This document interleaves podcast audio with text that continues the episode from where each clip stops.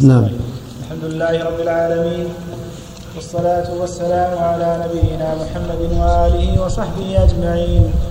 قال الإمام أحمد بن حنبل رحمه الله تعالى ورضي عنه وجمعنا به في الفردوس الأعلى إنه جواد كريم.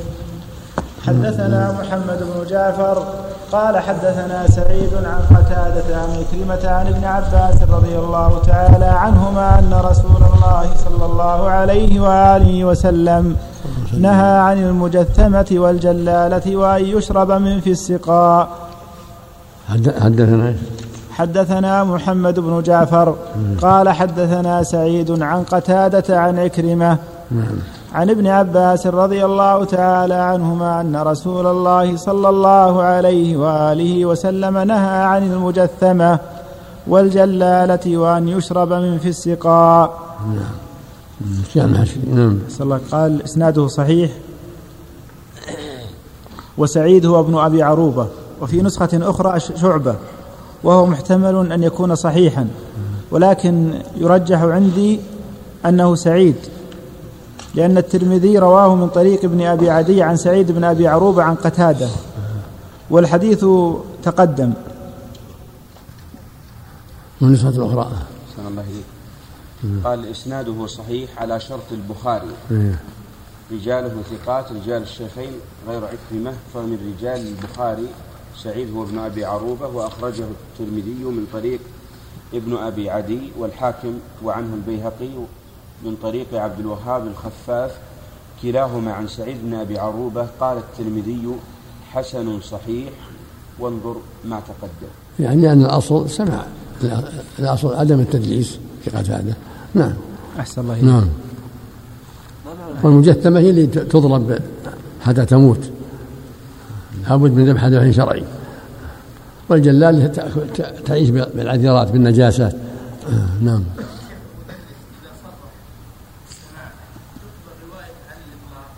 إذا كان ثقة نعم. نعم. أحسن الله إليك.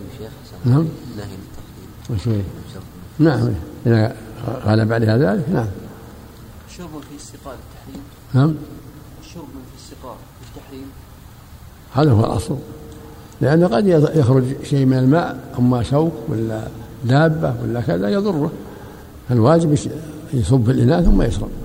والشرب في السقاء فيه أخطار. والأصل في النهي التحريم. في صحيح مسلم أن النبي صلى الله عليه وسلم نعم. مو والله لا. هذا هذا الطريق. مو والله. أحسن الله إليك. ما نعم. ثبت عن النبي صلى الله عليه وسلم في صحيح مسلم أن النبي صلى الله عليه وسلم اقتنث قربا شرب منه الظاهر هذا عند عدم وجود الإناء. إذا ما تيسر الإناء يحمل على هذا. نعم. أحسن الله إليك. نعم. حدثنا محمد بن جعفر قال حدثنا سعيد عن النضر بن أنس قال كنت عند ابن عباس رضي الله تعالى عنهما وهو يفتي الناس. لا يسند إلى نبي الله صلى الله عليه وآله وسلم شيئا من فتياه إيش حدثنا؟ حدثنا محمد بن جعفر قال حدثنا سعيد عن النضر بن أنس قال كنت عند ابن عباس رضي الله تعالى عنهما وهو يفتي الناس.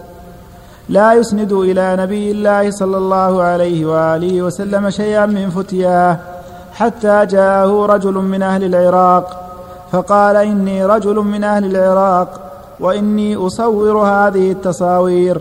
فقال له ابن عباس رضي الله تعالى عنهما ادنه إما مرتين أو ثلاثا فدنا فقال ابن عباس سمعت رسول الله صلى الله عليه وآله وسلم يقول من صور صورة في الدنيا يكلف يوم القيامة أن ينفخ فيها الروح. أن ينفخ.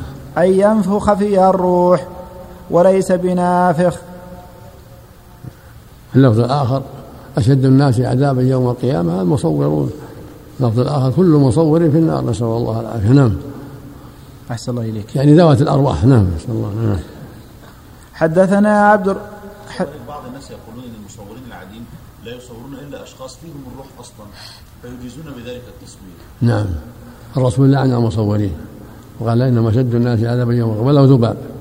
والسوء الذباب هذا ولو الذباب ما دام له روح. نعم. أحسن الله إليك. نعم.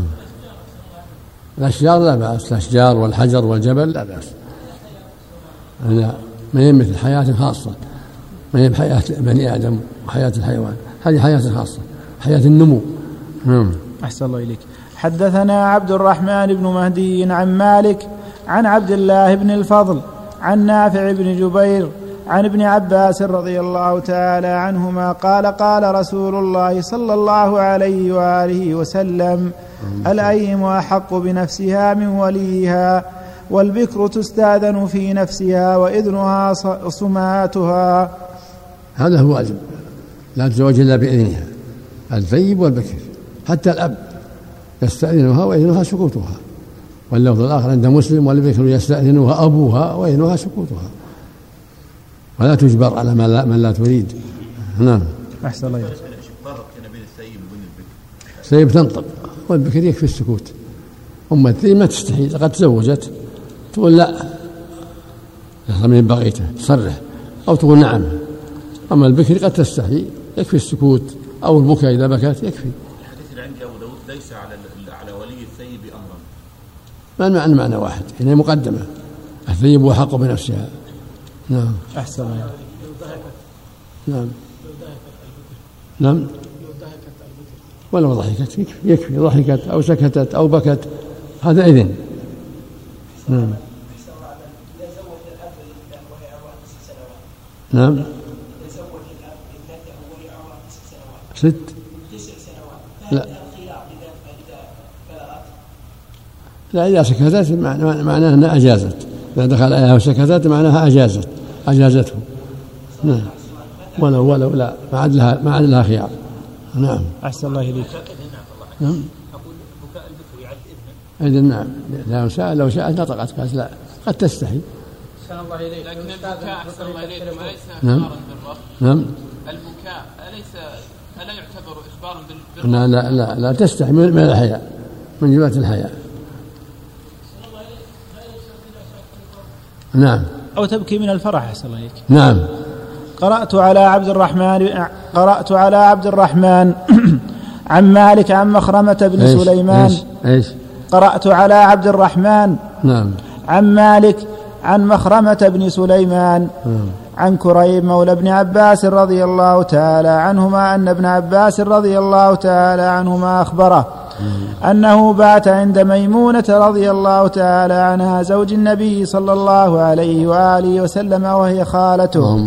قال فاضطجعت في عرض الوسادة واضطجع رسول الله صلى الله عليه وآله وسلم وأهله في طولها فنام رسول الله صلى الله عليه وآله وسلم حتى إذا انتصف الليل أو قبله بقليل أو بعده بقليل استيقظ رسول الله صلى الله عليه وآله وسلم فجلس يمسح النوم عن وجهه بيده ثم قرأ العشر الآيات خواتيم سورة آل عمران ثم قام إلى شن معلقة فتوضأ منها فأحسن وضوءه ثم قام يصلي.